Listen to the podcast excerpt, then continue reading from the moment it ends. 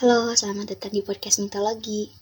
Kenalin, nama aku Rega dan di podcast ini, sesuai judulnya, aku akan membahas mengenai mitologi dengan cara yang semoga lebih asik dan menarik untuk kalian simak.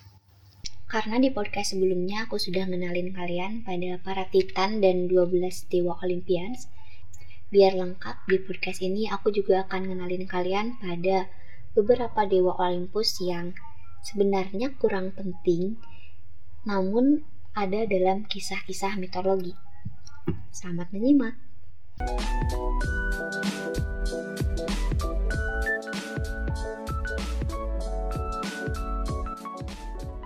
Dewa pertama yang akan aku kenalkan adalah Eros, sang dewa cinta. Eros sering dilukiskan sebagai kain penutup mata. Kenapa? Karena cinta sering membutakan. Dan dalam catatan awal, Eros ini dikatakan sebagai sahabat dari Aphrodite. Namun kemudian, para penyair menyebut bahwa Eros ini adalah anak dari Aphrodite. Kehadiran Eros selalu ditemani oleh beberapa dewa-dewa kecil, dewa-dewa cinta kecil lainnya, yakni oleh Anteros yang dijuluki sebagai penuntut balas bagi yang mengkhianati cinta, juga ada Himeros atau hasrat dan Imines atau dewa pesta makan perkawinan. Perlu kalian ketahui bahwa bangsa Yunani menggambarkan para dewanya melalui penyair. Namun berbeda dengan Eros. Eros ini digambarkan oleh seorang filsuf, yakni oleh Plato. Plato menggambarkan bahwa cinta Eros akan menjadikan hati manusia sebagai rumahnya namun cinta Eros tidak hadir di setiap hati. Dan hati akan menjadi keras jika ditinggalkan oleh Eros. Dikatakan juga bahwa seluruh manusia melayani Eros dan manusia yang ia sentuh dengan cinta tak akan berjalan dalam kegelapan. Oke, selanjutnya adalah Hivi.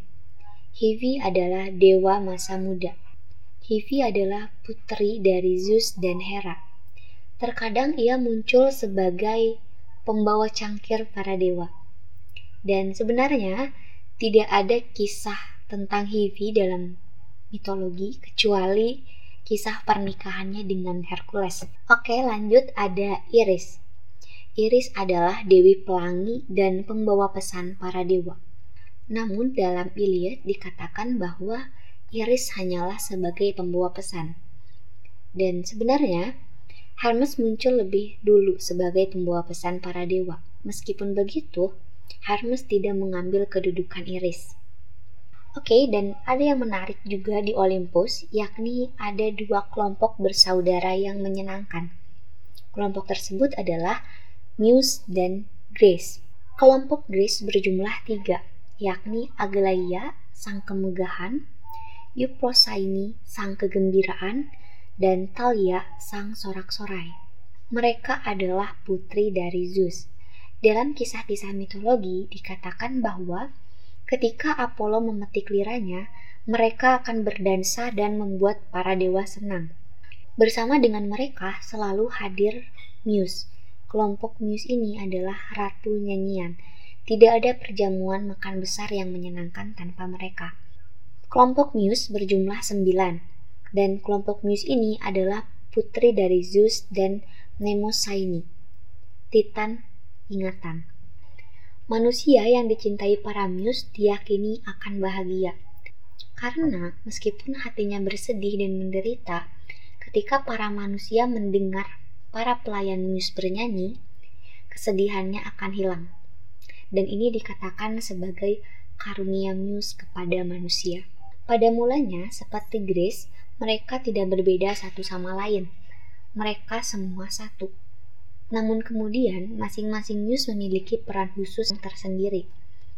Ada yang berperan menguasai sejarah, menguasai astronomi, menguasai tragedi, menguasai komedi, menguasai tarian, menguasai puisi epik, menguasai puisi cinta, menguasai lagu-lagu untuk para dewa, dan menguasai puisi liris.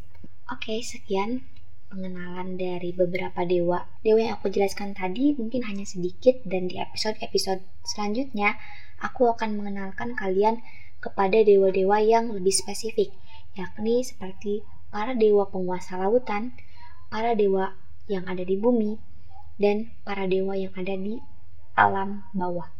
Terima kasih sudah menyimak cerita ini dan jika ada kesalahan di cerita yang aku tuturkan, dengan sukan untuk memberi kritik. Terima kasih.